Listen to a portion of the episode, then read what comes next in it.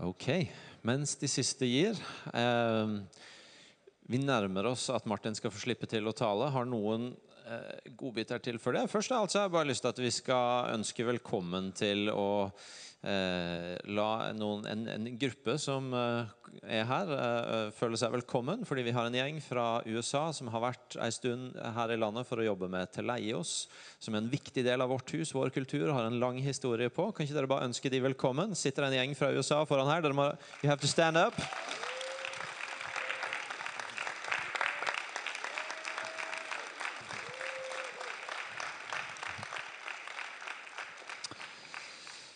Dere er så velkomne, om enn for en kveld før dere reiser videre. Um, jeg har lyst til å si at uh, Dette er også en helg hvor parallelt med at det har vært godhet her, så har vi hatt team ute. Impuls har vært på Karmøy. Martin har hatt et team i uh, Holum uh, nedover mot Mandal.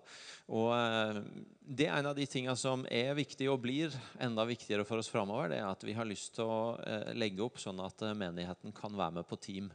Eh, Martin har hatt med seg en fin gjeng som har vært og eh, reist dit sammen med han. Og Følg med på infoen og ting som skjer, for nye muligheter til å være med ut på team og gi videre noe av det Gud har gitt oss, forskjellige andre steder i landet. Og i verden med misjonsturer og det som er av muligheter der. Vi har hatt godhet. Eh, jeg har gitt dere tallene, men eh, tall er nå én ting, historier er noe annet. Og Før Martin eh, slipper til, så skal Mariann og Hanne og Therese få komme opp og gi tre sånne korte glimt av noe som har skjedd på godhet i år. Ta de godt imot.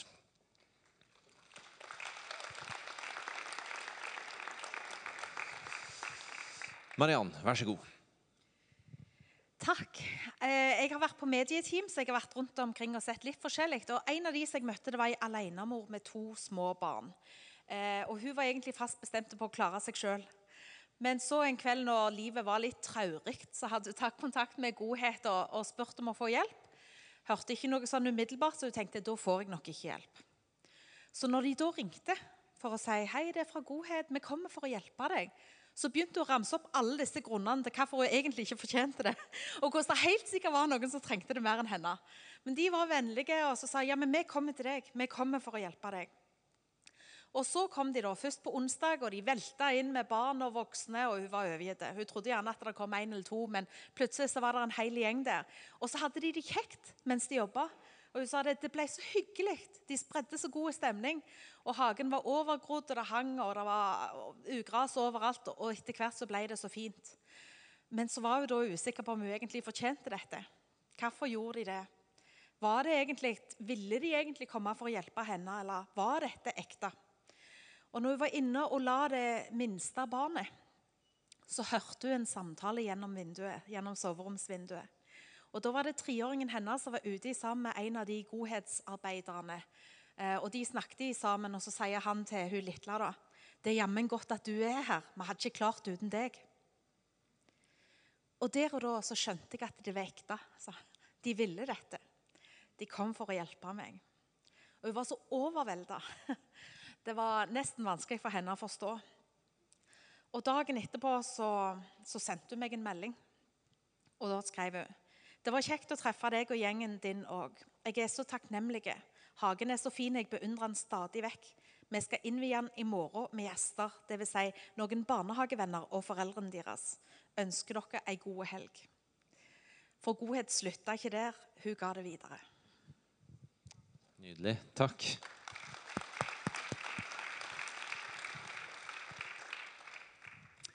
Ja, Vi har en eh, vennefamilie, eller nabofamilie som har eh, fått en eh, stor del, eller mange kriser som møtte på en gang.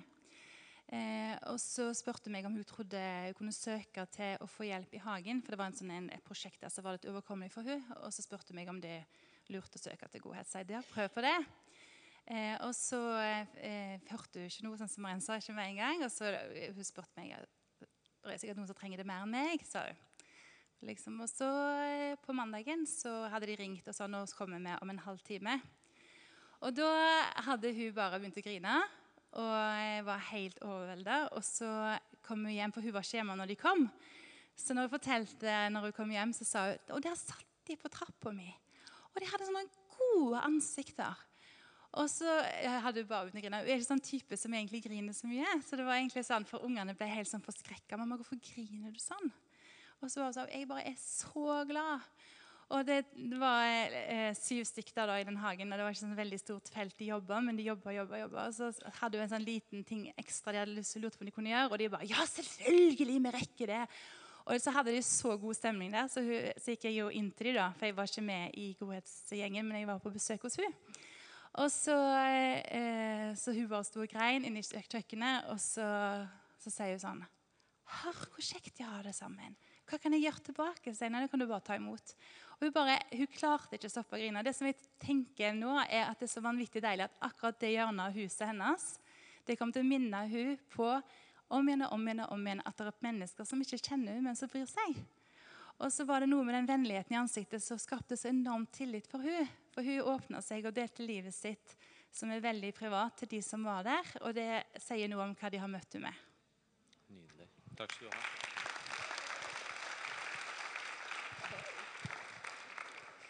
Eh, jeg har vært og tatt bilder i år. Og har fått gleden av å ha vært sammen med serviceteamet og kjørt rundt og sett på masse forskjellige oppdrag. Og den ene plassen vi var, så var det ei gammel dame som bodde der. Og jeg spurte om hun ville være med ut og ha kaffe og vafler og kake. Det ville hun ikke, fordi at, eh, det var så varmt ute. Og da sa jeg det er helt greit, da kommer jeg inn. Jeg gikk inn og fikk en himla god samtale med henne om liv og død og tro og alle de. Eh, og det samme skjedde hos ei annen dame òg. Eh, de andre satt ute og spiste vafler og kake. Jeg satt inne i stua med henne og hadde en veldig dyp samtale. Eh, I begge de to tilfellene så hadde begge, opplevd dødsfall i, som var veldig nære. Og det har jeg òg, så da connecta vi litt gjennom det og fikk eh, snakket litt om sånne ting. Og det var egentlig bare noen som så de på eh, Ikke nødvendigvis bare gjennom praktisk hjelp, men òg at de satte seg ned og tok seg tid. Eh, så hun siste dama hun sa før jeg gikk, at eh, hun forsto egentlig ikke helt hva greia her var. fordi at her var de fire stykker som sto og malte på altanen. Og de kom og hjalp henne, og hun kjente de ikke engang. Og hun kunne ikke forstå hvorfor de gadd å gjøre dette her.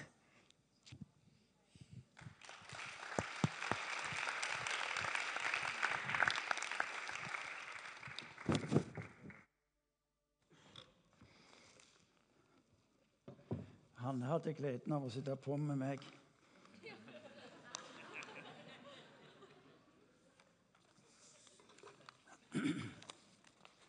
Men det, det Hanne må du høre godt etter.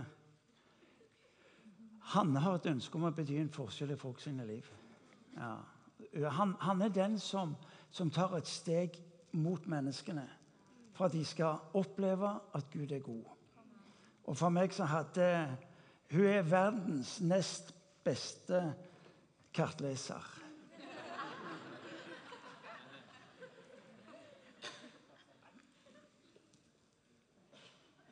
Men det å merke hennes hjerte for mennesker, det gjør inntrykk. Så takk skal du ha, Hanne. Vi kan jo gjenta det neste år òg. Um, klarer vi å få litt mer lys i salen? Og så ser jeg ikke hva klokka er. Hvis ikke jeg ser hva klokka er, så henger dere tynt an. Eh, kort glimt. Eh, jeg var i uh, i, eh, i, eh, i Mandal. Hol, Holum. Takk skal du ha. Sammen med, med eh, Marius og bl.a. Marit Wang og fire-fem andre Jeg kaller dem for gutter. For det som, gjorde, det som gjorde inntrykk på meg, det var jo at flertallet av disse kom, kom fra Holum.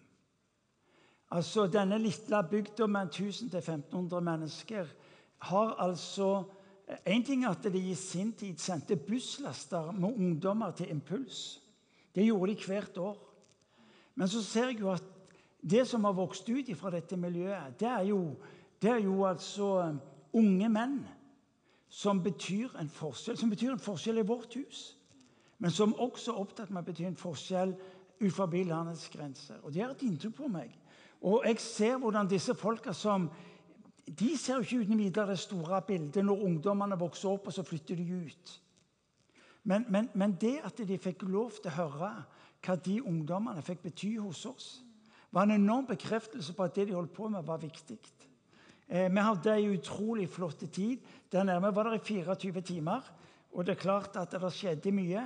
Eh, men det gjør inntrykk når hun som da leder, sier vet du hva, eh, dette, dette er den beste dagen vi har hatt ever. Og jeg tror det har noe med at du fikk øye på de menneskene som de selv hadde fått lov til å gi godhet inn i. Kom tilbake for å velsigne dem, dele Guds ord med dem og bety en forskjell. Så, så, det har vært en, en uh, utrolig tur å få lov til å være sammen med, med mennesker som vil bety denne forskjellen. Så Holum eh, Jeg har aldri vært der før. Jeg kommer aldri til å slå meg ned der. Men, tar, men det var som jeg sa, jeg tar gjerne et besøk. Jeg tar gjerne et besøk. Um, gysla med knott, forresten. Ja, det er fremdeles på video. Gysla med knott. Eh, det vi skal se litt på, det er det som dere ser i tittelen. Eh, sett. Det å bli sett er for oss litt sånn type Ja vel, eh, hva mener du med det? Men la meg, la meg på et vis gi noen sånn sterke ansatser på, på hva, hva, hva mener vi med å bli sett. Når du og meg leser Bibelen, så har Bibelen egentlig ett hovedbudskap. Det er at jeg ser deg. Jeg vil du skal vite at jeg ser deg. Ikke for å ta deg, men for å elske deg. Denne Bibelen har ett primært utgangspunkt. Det at mennesker skal våge å tro at Gud er god, og at han vil meg det beste. Der ute så kryr det av mennesker som når de hører om Gud, så tenker de det er best å gå i dekning. Enten fordi han kan ta meg, eller jeg treffer noen av hans representanter, og de har klare stilkarakterer å dele ut til meg, for mitt liv holder ikke mål.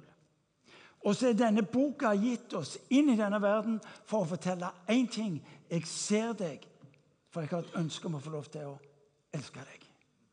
Og Det er det som egentlig skal få lov til å være noe av, eh, av eh, temaet og innholdet nå i kveld. For det er tolv år siden vi hadde godhet. Vi malte et hus for ei dame i, i, eh, i, det fine området oppe med Stokka. Og jeg kjørte rundt med mat og så hvordan det gikk for seg. Og så Der står ei dame, og så sier hun mannen forlot meg for noen måneder siden. Og jeg står alene igjen med dette store huset med fire barn. Og så spør jeg henne hva betyr det for deg å få malt huset. Først så vaska de det, og så malte de det to ganger. Gratis. Og så spør jeg hva betyr det for deg å oppleve at alle disse menneskene kom til deg og maler huset. Og så sier hun det er mer enn om jeg skulle ha vunnet ti ganger i Lotto. Fordi opplevelsen av å bli sett er det overveldende ved det som her skjer. Så er altså godhet ikke primært praktiske handlinger som gir konkrete opplevelser. Godhet er egentlig et uttrykk for 'jeg ser deg'. Og vet du hva? Hvis du og meg ikke opplever at vi blir sett, så er det noe som går til grunne i livene våre. Det er noe av det viktigste du og meg opplever, det å bli sett. Det er å bli sett. Um, det står uh, i, uh, i første Mosebok kapittel uh, eh, 22 det er, det er Abraham som har rota det til. Han går hen, og så får han en sønn med Haggar, tjenestekvinnen. Og så lyder det inn i det livet eh, at Gud har festa sitt øyne på Ismael. Hør nå. Jo, det er sterke synspunkter om muslimer, om arabere. Men det er løfter knytta til det folket som er gitt av Gud. Og jeg tror at når vi som kirke våger å se en gang til Se på dette folket med Guds øyne. Hva er det du og meg vil se? Det er totalt andre bilder enn det du og meg får i, i avisene. Og som altfor mange av kristne folket står opp og roper ut mot disse. Hør nå. da lyder et løftesord på Ishmael som er knytta til en Gud som ser. Jeg vil alltid være hos deg. Folkens dette folket som Guds løfte hviler på, tror at vi som Jesus tilfølgere hater dem. Da Imi kirke for uh, ti år siden, Elling, syv-åtte år siden, hvor vi bestemte oss her i huset for å si vet du hva? Vi, vi har hørt at muslimske barn og ungdommer at det er de som gjør det dårligst på skolen og i det sosiale miljøet. Kan vi se på det som kirke og håpe det går bra eller det går over, hvilket betyr at de reiser herifra? Elling og meg snakket om det, vi tok det opp med lederteam. så vet du hva Vi gjør? Vi tar opp takkoffer og så gir vi dette til det muslimske miljøet. Til deres barne- og ungdomsarbeid. Det er den eneste gangen vi har flagga i media hvem vi vil gi pengene til sendte pressemelding og sa at vi, vi ønska Jeg snakket ikke noe om penger, men vi flagga at vi ville besøke det muslimske lederskapet. Eneste gangen Ellingsen og Kay var gått med tverrsnippen. Vakker ungdom. Kom inn i moskeen, tok av oss skoene. Ble servert mariakjeks og pulverkaffe. Det er jo ikke det store. For det er slik til deg som er ukjent med huset, det at eh, når vi, vi tar alle våre kollekter tar vi opp for å gi dem ut forbi dette huset. Og så når vi kommer til eh, institusjoner eller menigheter eller type arbeid, så har vi alltid med oss en marsipankake. Men det, det må alltid serveres marsipankake hvis det skal bety noe. Hvis du lurer på hvorfor marsipankake, så er det en av mine svakheter. Og, og jeg vedkjenner meg den svakheten. Men da jeg fremdeles hadde makt, så sa jeg vi er nødt til å ha med oss marsipankake. Ja. Så når vi kom til moskeen med dette topplederskapet for det muslimske miljøet, så hadde vi med oss marsipankake. Ja, det klarte vi være marsipankake. Og i hele landet på oss kom eh, media med fjernsyn og, og, aviser. Så vi satt der og fikk pulverkaffe, og så, og så var det denne marsipankaka. Vi ba, dem om å fortelle oss hvordan det gikk med barna og ungdommene i eh, det muslimske miljøet. Og det var vanskelige streker som ble trukket opp.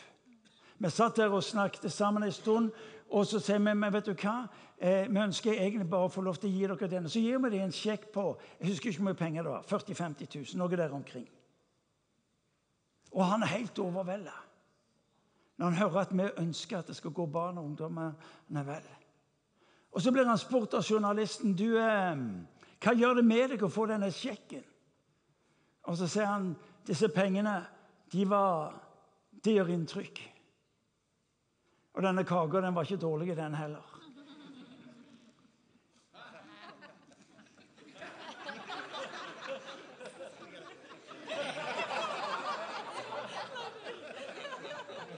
You got it?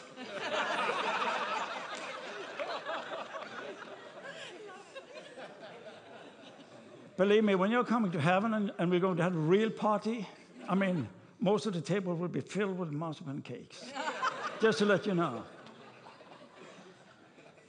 Han ble spurt hva gjør det med deg å få sjekken. Og så sier han pengene gjør inntrykk, kaka den var god. Men det som berører hjertet vårt, det er å se disse menneskene ha omsorg for våre barn og ungdommer. Disse folka tror at vi hater dem. De skal vi nå med evangeliet. Tror vi virkelig at mennesker vil ta imot evangeliet hvis de vet at det hater vi for dem? De gjør ikke det. Det er et løftesord på dette folket som du og vi skal ta med oss når vi møter de vanskelige situasjonene. Jeg sier ikke det er enkelt. Jeg sier ikke vi skal møte dette overfladisk. Men du og jeg skal få lov til å se som han ser. Og Så står det noe uhyre interessant litt lenger ute i, det, i, det samme, i den samme boka. Det er når Abraham eh, kjenner Gud kaller han til Isak og eh, denne testen på hans liv og hans tro.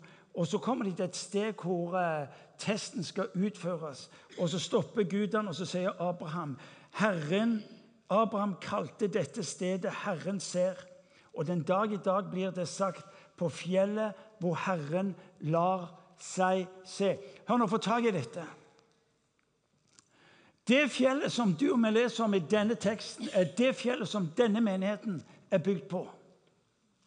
Når du og meg leser om fjell, så vil vi oppleve det er de stedene hvor Gud åpenbarer seg på en spesiell måte. Det er stedet for oss som kirke som går forut alle andre steder, er stedet Golgata.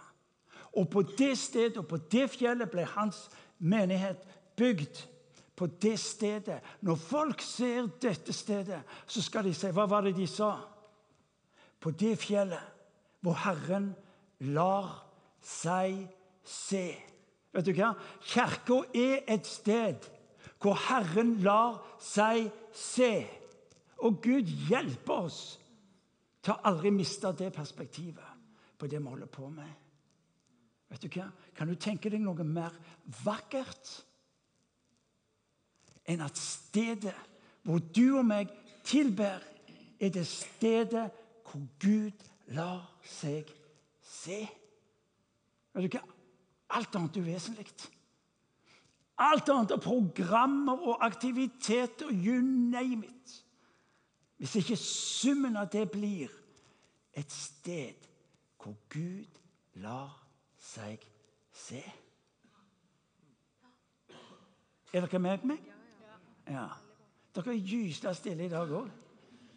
Dere burde virke altså Jeg kunne landa her jeg, fem på seks. Da kom jeg ifra Holum.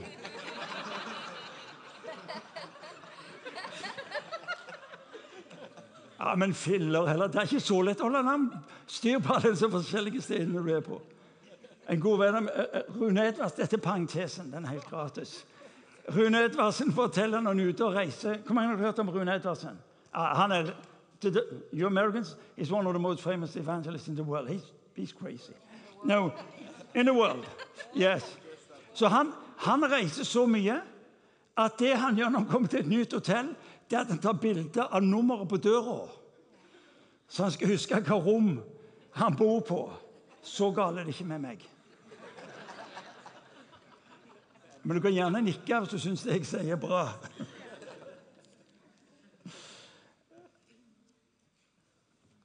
Hvorfor godhet? Fordi godhet gir mennesker en erfaring av å bli sett. Og alt det Gud berører oss med, er nettopp med dette perspektivet. Når Jesus skal vise oss hvem Gud er, så er det nettopp de konkrete uttrykkene. Når Johannes i Lykkens evangeliet sier 'Er du den som skal komme, eller skal vi vente på en annen?' Han kunne ha gitt han en preik. Han kunne lasta opp for Johannes eh, de gamle skriftene. Så hør nå, Johannes. Husker du ikke? Men for at Johannes skal bli overbevist at det er han som har kommet, så begynner han å snakke om de konkrete. Helbredelsene, om eh, oppvekkelsen fra de døde, om blinde som ser igjen, og om at evangeliet forkynnes for de fattige. Altså Hvis ikke godheten fra Gud blir konkret for oss, vet du hva, så blir det svada. Og det vi har opplevd igjen og igjen og igjen, og igjen, det er at der hvor mennesker opplever godhet, våger de å se. De våger å se. For det er så mange mennesker som er trøtt at de orker ikke lenger å forholde seg til en såkalt, såkalt virkelig. Uttrykkene, vet du hva? Eh, det er de konkrete uttrykkene som berører menneskene. Eh, ikke primært våre ord. For denne verden er bevisst trøtt av ord. I de små tingene opplever seg sett av Gud. Eh, du og meg er kalt, du og meg er velsigna for å velsigne. Hvorfor være kristen? For å velsigne. Hva er din viktigste oppgave? Det er å velsigne. Der du står opp om morgenen, så er ditt primære kall det å velsigne. Du ser mennesker, du er nær mennesker, du våger innsteget mot mennesker, Og, og kallet ditt, ditt primære kall, det er til å velsigne. Jo, det er mye som kunne vært annerledes i denne verden. Ditt og mitt kall er ikke forbanna denne verden. Ditt og mitt kall er velsigna denne verden. For en forskjell. Og for en, for en, for en programerklæring. For en programerklæring for sitt eget liv. Hvem er du? Ikke du er en kristen. Hva betyr det å være en kristen? Jo, jeg er kalt til å velsigne. Står opp om morgenen. Takk Gud, hvem skal jeg få lov til å velsigne i dag? Gud, hva, hvem kan jeg få lov til å bety en for... Gud, la meg få lov til å være til velsignelse. Når du og meg våger å skrive med rimelig tydelige bokstaver, kalt til å velsigne når, når det blir programerklæring for ditt og mitt liv, vet du hva? da begynner det å skje en forskjell. Det at du og meg lever våre liv.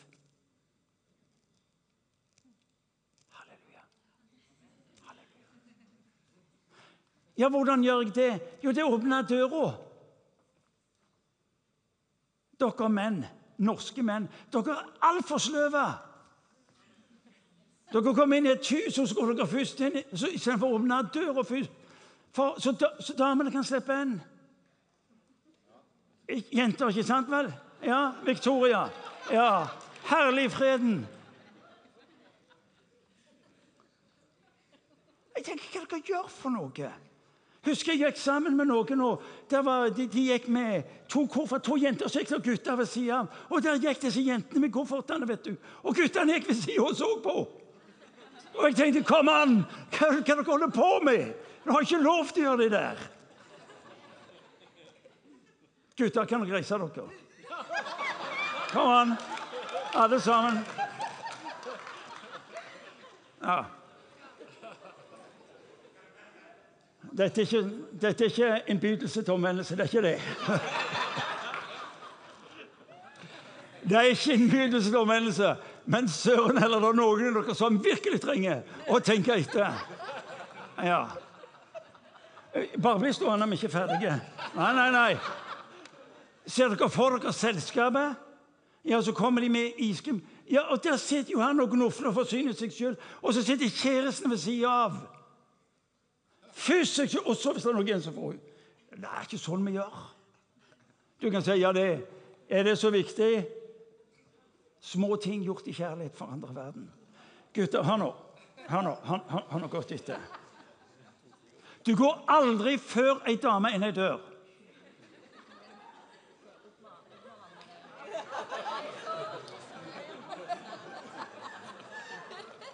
Dere sier 'Yes, Lord'? Ja vel? Og hvis det er lite igjen av desserten, så tar du ikke desserten før du har spurt om hun vil ha. Yes, lord. Ja. Og hvis du er på bussen, og der er ikke flere ledige seter, det kommer damer Du trenger ikke være gammel. Så reiser du deg og sier det er en sann glede. Yes, lord. Vi må ha det framme for da er det mye sterkere.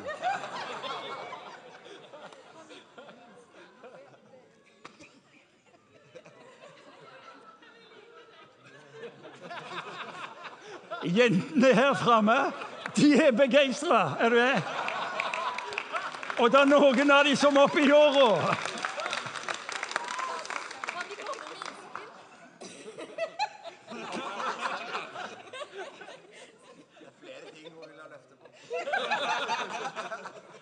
Det sitter noen her på første benk som vil at mennene skal love mye mer.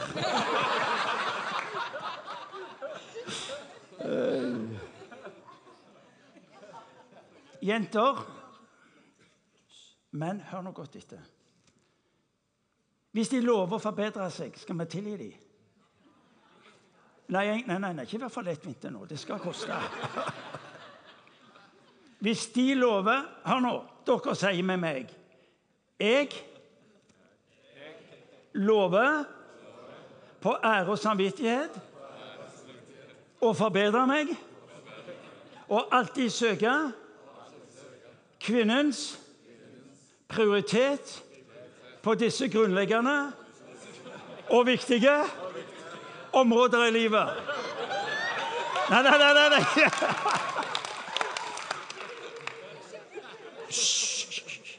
Så, så kan dere få lov til å sette dere. Nei, nei, nei, vi er ikke ferdige. Så må jentene reise seg.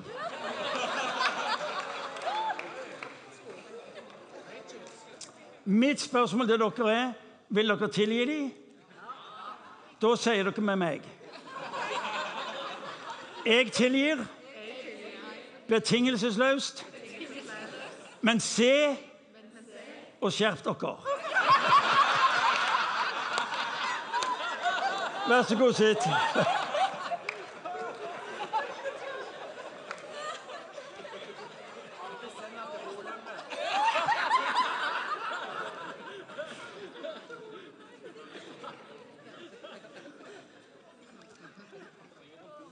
Hvis noen lurer på hvor dette kommer fra, så kommer det fra Holum.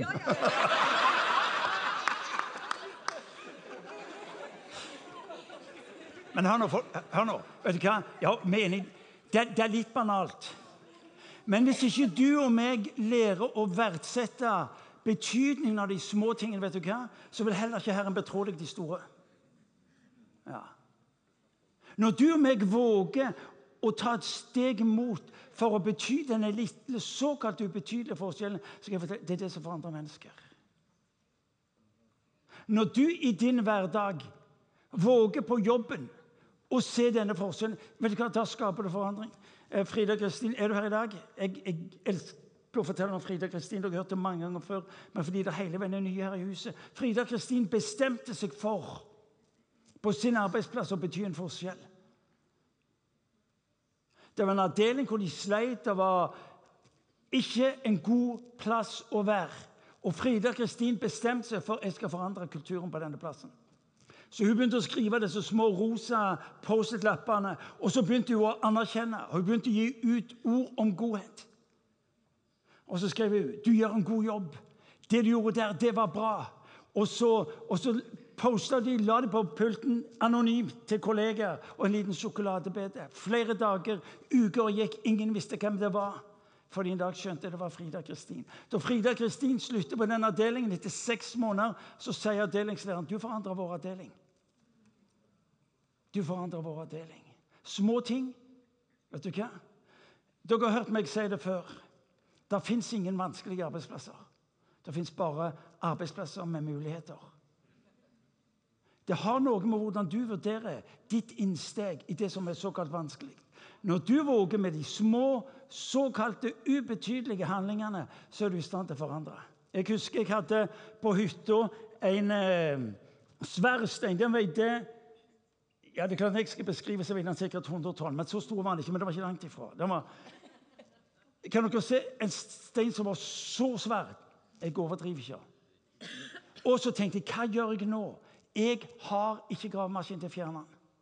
Men så tenkte jeg nei, det jeg skal gjøre, jeg skal fjerne alle steinene, de små steinene som er rundt. Så begynte jeg bare å grave rundt hele steinen. Det tok litt lengre tid. Men når jeg hadde gravd vekk alle de såkalte små steinene, så tok jeg bare et spark, og så trilla steinen. Vet du hva? Det er sånn du og meg er med på å forandre samfunn. Det er sånn du og meg er med på å forandre mennesker. Det er sånn du og meg får lov til å se at det skjer en, eh, en, en erfaring av det gode livet. Når du ser den store steinen, så vil Gud vise deg de små. Og når du er tålmodig lenge nok på de såkalt små steinene, vet du hva? da forandrer du mennesker, og du forandrer samfunn. Du og meg er velsigna for å velsigne. Og når Bibelen sier om Gud at han er den som ser, så er du og meg kalt til å gjøre akkurat det samme. Ja, Hvordan skal denne dagen bli, det vet jeg ikke, men be meg å få lov til å se han som Gud ser han. Når du ser de som er vanskelige på jobben, så be om å få lov til å se de menneskene som Gud ser de. For hva du ser, vet du hva, vil avgjøre hvordan du handler. Og husk for all del Skal ikke, skal ikke overdrive språkbruken. For, Få tak i dette. For ditt og mitt problem er at du og meg ser ikke tingene som de er. Vi ser dem som vi er. Når du og meg vurderer mennesker, så ser vi dem som vi er. Når du og meg får lov til å se som Gud, så ser vi dem som Han ser dem. Som Han ser dem. Og det er så avgjørende viktig. For bak menneskers oppførsel, bak situasjoner som oppstår, så er det en historie som du og vi kan få lov til å ha et innsteg i med godhet. Som gjør at mennesker kan våge en ny stykkevandring. Og se som Gud. Det står I Salmet vers 32, vers 8, så står det 'Jeg vil la mitt øye hvile på deg'. Hva er godhet for noe? Det å muliggjøre en opplevelse av Guds øye hvile på meg. På de som er rundt deg. De tror Gud er etter å ta dem. Mens ditt budskap er det er ikke slik Gud er. Jeg syns det er så utrolig vakkert at han opererer med betegnelsen på seg sjøl om nåde og sannhet. Det er ikke tvil om at Kirka har vært mye sterkere på sannheten enn på nåden. Vi har en forståelse av at hvis folk skal få det rett med Gud, så må de få all den jammeren de kan få mot seg. Mens Bibelen snakker om nåde og sannhet. Folkens, der er faktisk faktorene ikke likegyldige. Nåde og sannhet. Jeg jeg vil la mitt øye hvile på deg, så skal jeg slippe å være redd. For når han snakker om at jeg vil la mitt øye hvile på deg, så er det fordi jeg har et ønske. Det er å omfavne deg. Hva vil det si å være en kristen? Det å la seg omfavne av Gud. Utrolig vakkert. Det er message-oversettelsen, men ikke mindre vakkert. Hør nå. Denne verden er redd Gud. På den ene sida er det en gudsfrykt som har, som har uh, røttene i urmennesket å gjøre. Men folkens, jeg husker uh, en god venn av meg, Inge Bjerg Lindheim, sa, som var lagsekretær for mange år siden, ei fenomenale dame. Uh, hun er hjemme hos Gud. Og hun sa Martin, det som er alvoret, hun, det er på den ene sida så er det denne her, denne roten, denne urfrykten, frykten for Gud. Men jeg er redd for at vi som kirke har gitt dem en dobbel del av denne roten, nemlig en frykt for Og så har vi lina opp om alt det som ikke holder mål i livene deres. Du og meg er kalt til å se på mennesker som Gud ser på mennesker. Jeg lar mitt, jeg lar mitt øye hvile på deg. Du skal slippe å være redd. Når, eh, når ungene var små og, og det skar seg Til og med i vår familie så skar det seg. Er du med? De oppførte seg nebbete og frekt og alt det der. Hvor det kommer fra, vil vi ikke gå inn på her. Der. Og vi hadde et møtested hjemme hos oss, og det var trappa. Opp i andre etasje. Og når vi satt der i trappa, så så ungene ned. De visste hva de hadde gjort. Og igjen og igjen så sa jeg til dem se på meg. Se på meg. Se på meg. For det var så avgjørende viktig for meg at de skulle vite at fordi om de hadde gjort dumme ting, ville ikke pappa se vekk ifra dem.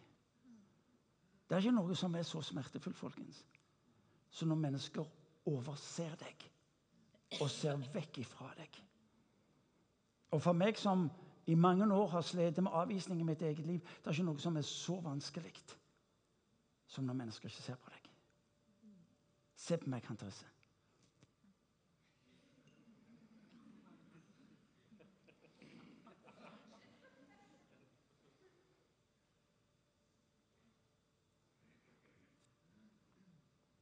Du er kalt til å se på folk på samme måten som Gud har sett på deg.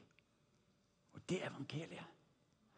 Hvordan kan du og meg våge å tro at fordi om jeg ser på mennesker rundt meg At det skal bety noe, så er det fordi du sjøl har fått lov til det, for han har sett på deg.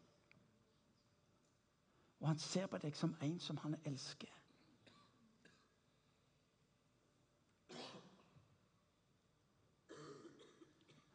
Når Bibelen omtaler eh, de ulike hendelsene i Bibelen. Brødunderet.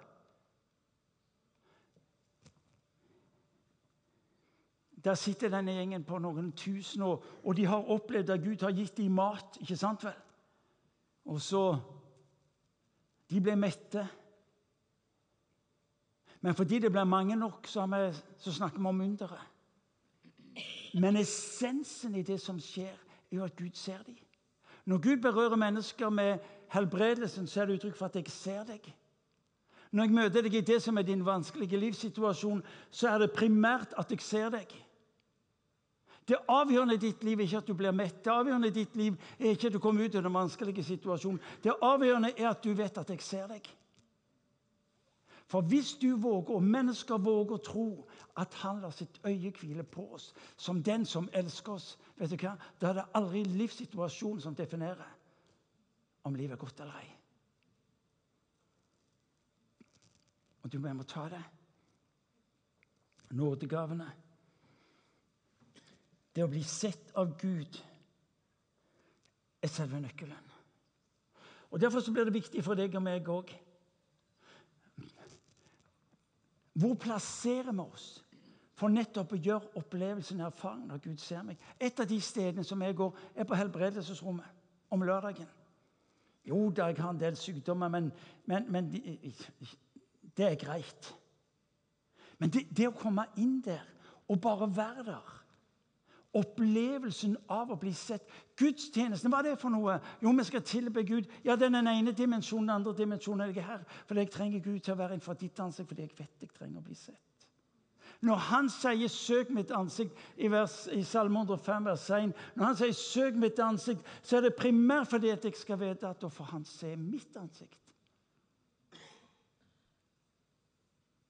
Vet Du hva? Du, må, må hjelpe, du og meg må hjelpe hverandre til nettopp å finne de plassene hvor jeg blir sett som den som er elska.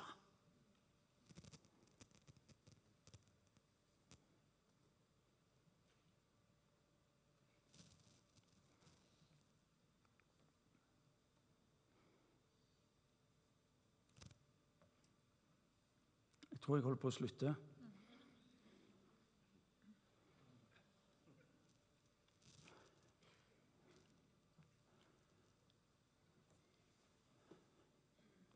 skal vi begynne å se menneskene rundt oss. Se dem.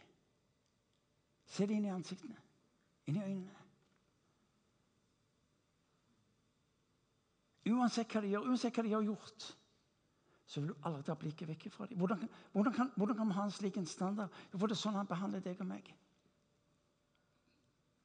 Han sier i Romerbrevet kapittel 8 vers 39 at ingenting kan skille deg fra min kjærlighet. Hva er det for noe? denne situasjonen hvor jeg erfarer at han ser meg. Kjærlighet uten å bli sett er nonsens. Når han snakker om å elske, så snakker han om å se. Du og meg er kalt til å elske menneskene rundt oss. Vi er ikke primært kalt til å vinne, frelse dem. Vi er kalt til å elske dem. Og for oss og for de fleste av oss så starter det med å se. Slik at folk våger å tro at de er sett. Og så blir alt det andre det som har med velsignelse å gjøre.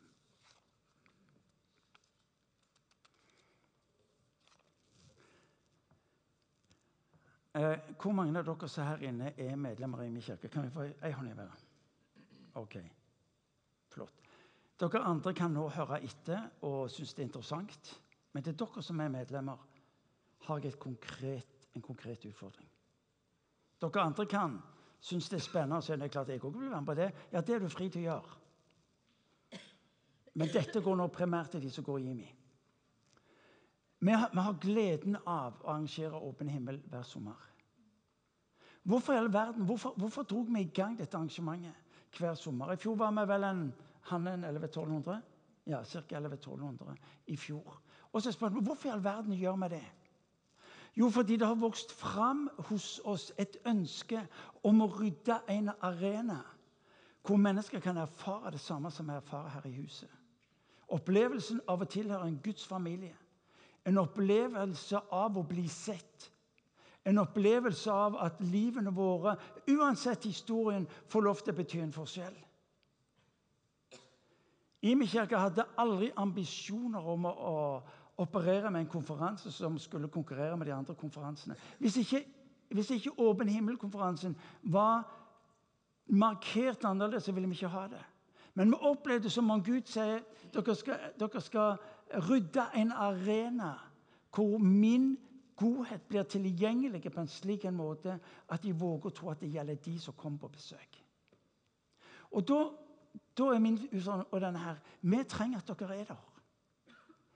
Altså Elling og, og meg Ja, vi, vi, vi, er rimelig gode med, er det. Kjekke, renslige og alt det der. Men hør nå. Imi er det ikke oss to. Er dere med? Altså det, det som gjør Imi til det, det, folkens, det er dere. Og Det er derfor det er et vanvittig privilegium å få lov til å være en del av dette laget. Det er dere som gjør Imi til det det er. Forskjellige. Hummer og kanari. Ja, ja. Men summen av det er denne kirka, denne menigheten, denne familien. Og det vi trenger til, folkens, det er at dere blir med oss på åpen himmel i sommer. Når, når, når, når disse folka som jeg møtte i Holum Jeg kom med meg. Ja. Si ikke stopp. Fortell. Når de ser hva som har skjedd med guttene deres når de opplever en forvandling, så er det det der Ikke stopp. Ikke slutt å snakke. La oss få høre mer. Det gjør noe med oss. Vi trenger til at dere i sommer er med oss. Og rett og slett blir den muligheten for at mennesker kan få se på en måte som gjør at de skjønner at de er sett. Hør nå, Jeg vet ikke hvilke planer du har for sommeren, men kan jeg få lov til å utfordre deg? Ikke til å tenke jeg skal delta på en eller annen konferanse, for det er det minst interessante. Men at du tar med deg den velsignelsen som Gud har for ditt liv. At du våger å legge den på en slik en plass at mennesker som kommer til, erfarer at Gud er god. Så her med utfordringen gitt. Eh, vi snakker ikke om tidsfrister. Det er ikke det jeg gjør. Vi snakker ikke om å fylle opp en camp. Det er ikke det jeg gjør. Men jeg sier, vil dere være med? Vil dere være med og tenke ok, jeg vil være med og velsigne folk denne sommeren? Jeg drar ikke på åpen himmel for primært å bli velsigna. Jeg drar primært for å være til velsignelse. Og så er du og meg så utspekulert, vi vet at eh, hvis jeg velsigner andre, så er det meg som blir primært velsigna. Det vet vi. Men det er tillatt å tenke sånn. Men det er det du inviteres til å være med. Jeg skal slutte. Øystein, du må gi oss litt fylle.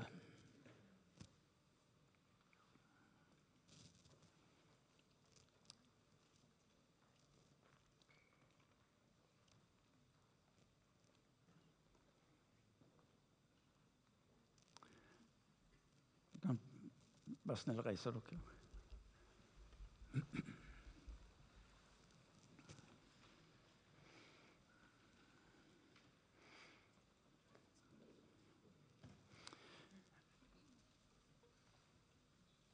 Hør, hør meg, folkens. Dere er velsigna langt utover normalen. Langt utover normalen. Ikke fordi at vi er prektige, men fordi vi får lov til å erfare at Gud er god. Og Det dere inviteres til i kveld, det er langs to linjer. Det ene er at når du går herfra dette huset, så se folk. Se fordi du sjøl har blitt sett og blitt omfavnet av Guds nåde. Et blikk som ikke vurderer deg i henhold til historie eller hva du har gjort.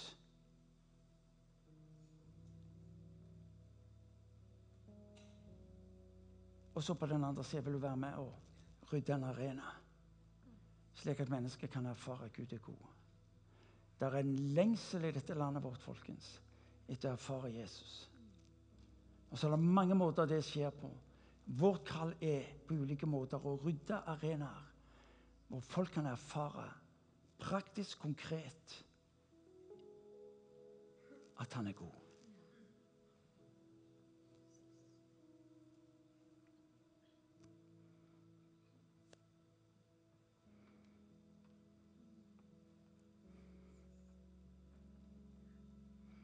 Det står i Salme 23, vers 6. Står noe om hans godhet som etterjager. Etterjager. Det er det ryktet jeg ønsker for dette huset. Det at folket på byen skal si at de folka de er litt rare. For de virkelig etterjager oss med godhet. De ser meg som den jeg er, og våger å gå med meg inn i det som de mener er det gode for meg. Så la oss, la oss be. Herre Jesus Kristus, vi takker deg fordi du er mellom oss som den som elsker. Herre Jesus, vi takker deg fordi når du ser på den enkelte av oss, så blir du ikke flau og trekker deg unna. Men du sier i ditt ord at eh, du lar ditt blikk bli værende på oss. For det vi kjenner på skyld, det vi kjenner på skam, det vi kjenner på det, alt det som skulle vært annerledes, så sier du du lar ditt blikk bli værende. Og far, jeg ber om at den enkelte her skal få lov til å erfare dette dypt i sitt liv. I møte med skammen, i møte med skylda, i møte med nederlagene. Helligånd, jeg ber du skal komme til den enkelte der vi her står. og Jeg ber du skal tegne dette bildet av nettopp Jesus som står foran dem. En Gud som lar seg se. En Gud som lar seg se. Og så sier du, far, at når vi, når vi søker ditt ansikt, så er du nødt til å få oppdage at du ser oss. Helligånd, jeg ber, kom til den enkelte av oss nå. Kom du, Helligånd. Far, vi ber i ditt navn. Vi ber i ditt navn.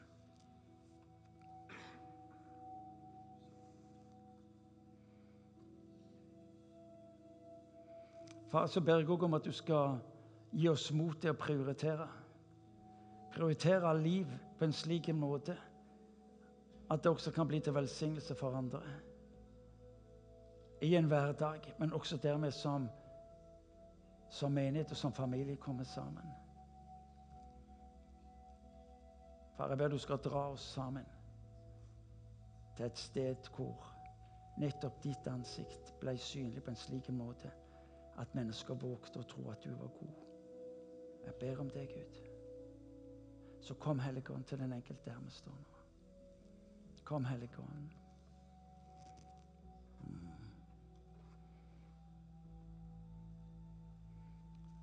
Kom, Helligånd. Ja, halleluja.